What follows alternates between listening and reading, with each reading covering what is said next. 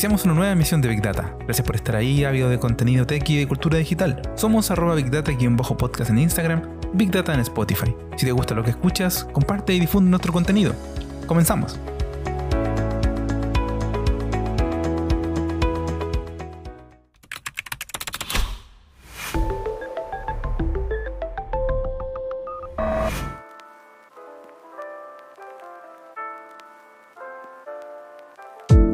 Hola, ¿qué tal? Bienvenidas y bienvenidos a este nuevo capítulo de Big Data, 7 de julio de 2021 y estamos súper contentos de seguir junto a ustedes semana a semana.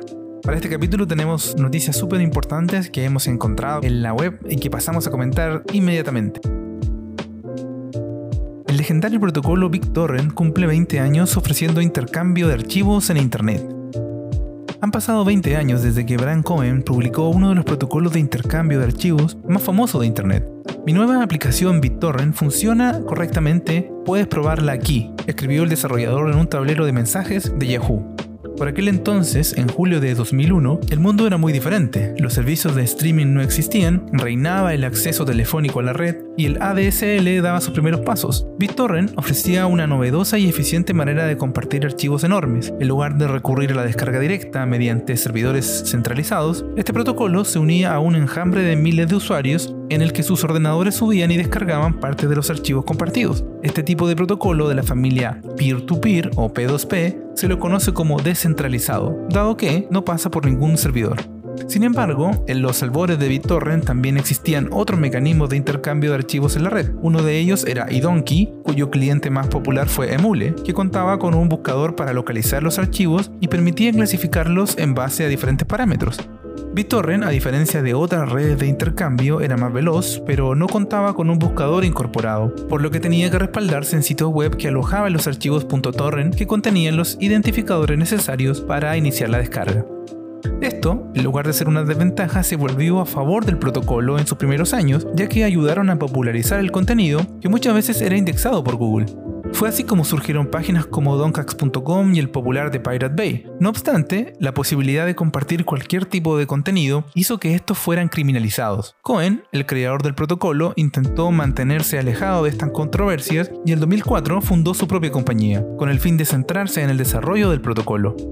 Con el objetivo de despegarse del concepto de ilegalidad, BitTorrent lanzó su propia página de videos, pero el proyecto duró tan solo un año y cerró sus puertas. Tiempo más tarde lanzó BitTorrent Now, una web que ayuda a que los artistas promuevan su contenido. Sorprendentemente, el portal aún funciona. En 2006 compró el cliente uTorrent, que a la fecha sigue siendo el cliente de descarga de torrent más popular del mundo. BitTorrent marcó un antes y un después en la forma de compartir archivos en la red, pero los ingresos solo sirvieron para mantener el proyecto a flote y dificultaron la posibilidad de desarrollar proyectos nuevos. En 2018 fue comprada por la Fundación Tron y Cohen, por su parte, incursionó en el mundo de las criptomonedas, convirtiéndose en uno de los mayores impulsores de Chia, una de las criptodivisas que busca ser amigable con el medio ambiente.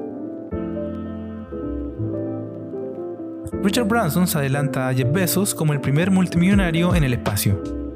La carrera espacial hace tiempo dejó a los astronautas a un lado para centrarse en las figuras de los multimillonarios. Elon Musk y Jeff Bezos son causa y consecuencia de todo el sector, especialmente cuando el fundador de Amazon anunciaba que sería el primer civil millonario en viajar a bordo de su propia nave el próximo 20 de julio. No obstante, Richard Branson se le ha adelantado por estos días. El multimillonario británico, propietario del grupo Virgin, acaba de anunciar que viajará a bordo del próximo lanzamiento de Virgin Galactic. Será, por decirlo de alguna manera, la carabina en una tripulación compuesta por dos pilotos y tres especialistas del sector. Branson será la parte millonaria de la ecuación y el tester definitivo que, según apuntan en su anuncio, evaluará la experiencia de un astronauta privado. En el proceso no solo se incluye el vuelo en sí, dado que Branson tendrá que pasar por las pruebas y entrenamientos que, que Virgin exigirá a los futuros turistas espaciales.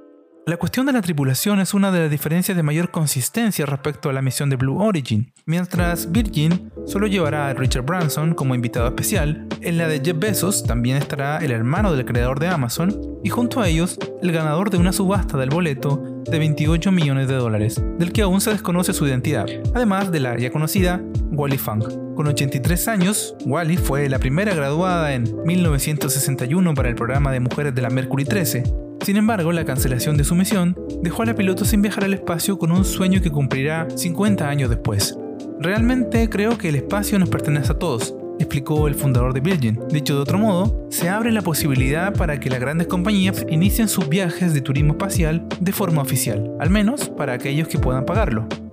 En cualquier caso, la realidad es que el triunfo de Richard Branson es un capricho de agenda, dado que la New Shepard de Blue Origin estaba planteada para el próximo 20 de julio, mientras que la de Virgin tiene su ventana de salida para el próximo 11 de julio a las 6 am, si es que obviamente no hay cambios de agenda producto de problemas climatológicos.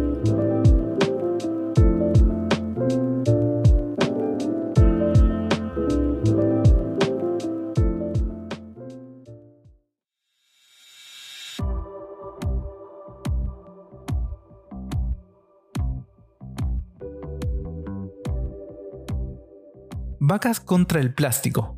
La contaminación por plásticos es un problema que afecta particularmente a los océanos, donde puede afectar gravemente a sus ecosistemas, y por eso es importante buscar alternativas a estos materiales y reciclarlos en la medida de lo posible. El problema es que estas medidas no son siempre suficientes, de modo que hay que buscar formas de degradar todo el plástico que se consume. Existen algunas opciones biodegradables que, una vez liberadas al ambiente, se van descomponiendo poco a poco. Otras veces, cuando se utiliza plástico convencional, la solución puede estar en buscar pequeños ayudantes que se encarguen de su degradación. Y eso es lo que ha hecho un equipo de científicos de la Universidad de Recursos Naturales y Ciencias de la Vida de Viena, en un estudio que acaba de publicarse en Frontiers in Bioengineering and Biotechnology. En él demuestran que el poder de algunas bacterias procedentes del estómago de las vacas son capaces de descomponer varios tipos de plástico, este estudio surgió de la observación de que las vacas tienen la capacidad de procesar sustancias vegetales muy similares a los poliésteres sintéticos. Dicha capacidad se debe a la presencia de poblaciones de determinados tipos de bacterias en uno de los comportamientos de su estómago conocido como rumen. Ante esto, pensaron que si podían digerir los poliésteres naturales de las plantas, quizás también podrían ser útiles en la lucha contra la contaminación por plásticos. Necesitaban diseñar un estudio para comprobarlo, por lo que tomaron muestras de líquido ruminal donado por un matadero y las expusieron a tres tipos diferentes de estos materiales. Por un lado, usaron tereftalato de polietileno, conocido por usarse frecuentemente en la elaboración de envases y productos textiles. Por otro lado, incubaron el líquido junto a otros dos plásticos biodegradables. El primero se usaba para la elaboración de bolsas compostables, mientras que el segundo es un material a base de azúcares que se encuentra aún en investigación. Los tres se incubaron junto al líquido ruminal en dos formatos diferentes, reducido a polvo o en partículas finas. En todos los casos se degradaron adecuadamente con el fluido extraído del estómago de las vacas. También observaron que el procedimiento fue mucho más eficiente que en otros estudios en los que se habían usado bacterias aisladas. Por lo tanto, para luchar contra la contaminación por los plásticos, es necesario usar todo el líquido de rumen de las vacas, ya que contiene también enzimas necesarias para la descomposición de estos plásticos. De momento, el estudio se ha realizado a pequeña escala. Sin embargo, en un comunicado sus autores han explicado que dada la cantidad de líquido ruminal que se obtiene a diario en los mataderos, se podría escalar muy fácilmente. Eso sí, sería caro, por lo que tendrían que conseguir la financiación adecuada.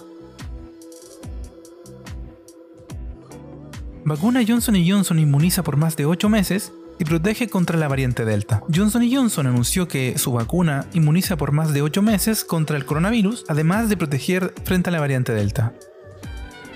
En un comunicado, la empresa norteamericana validó sus resultados tras investigaciones realizadas en los últimos 8 meses y comentaron que los estudios recientemente anunciados refuerzan la capacidad de la vacuna contra el COVID-19 Creemos que nuestra vacuna ofrece una protección duradera y provoca una actividad neutralizante contra la variante Delta. Esto se suma al sólido cuerpo de datos clínicos que respalda la capacidad de la vacuna para proteger contra múltiples variantes de preocupación mundial. La empresa recalcó que una dosis de la vacuna genera una respuesta de anticuerpo duradera, también células inmunes por al menos 8 meses. Los datos actuales, de 8 meses estudiados hasta ahora, muestran que la vacuna genera una fuerte respuesta de anticuerpos neutralizantes que no disminuyen más bien, observamos una mejora con el tiempo, indicó el doctor Matai Mamen, ejecutivo de Johnson Johnson. Además, observamos una respuesta inmune celular persistente y particularmente robusta y duradera. Nuestra vacuna contra la COVID-19 juega un papel crítico para poner fin a la pandemia dado que esta continúa evolucionando y planteando nuevos desafíos para la salud mundial.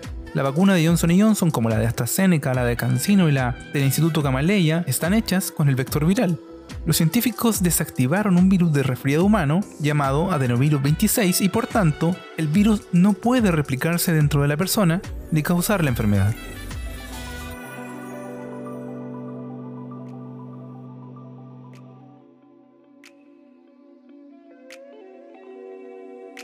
Muchas gracias por acompañarme en esta emisión. Para más contenido, búscanos como arroba Big Data en Spotify, Apple Podcast, Google Podcast o donde sea que escuches tus podcasts.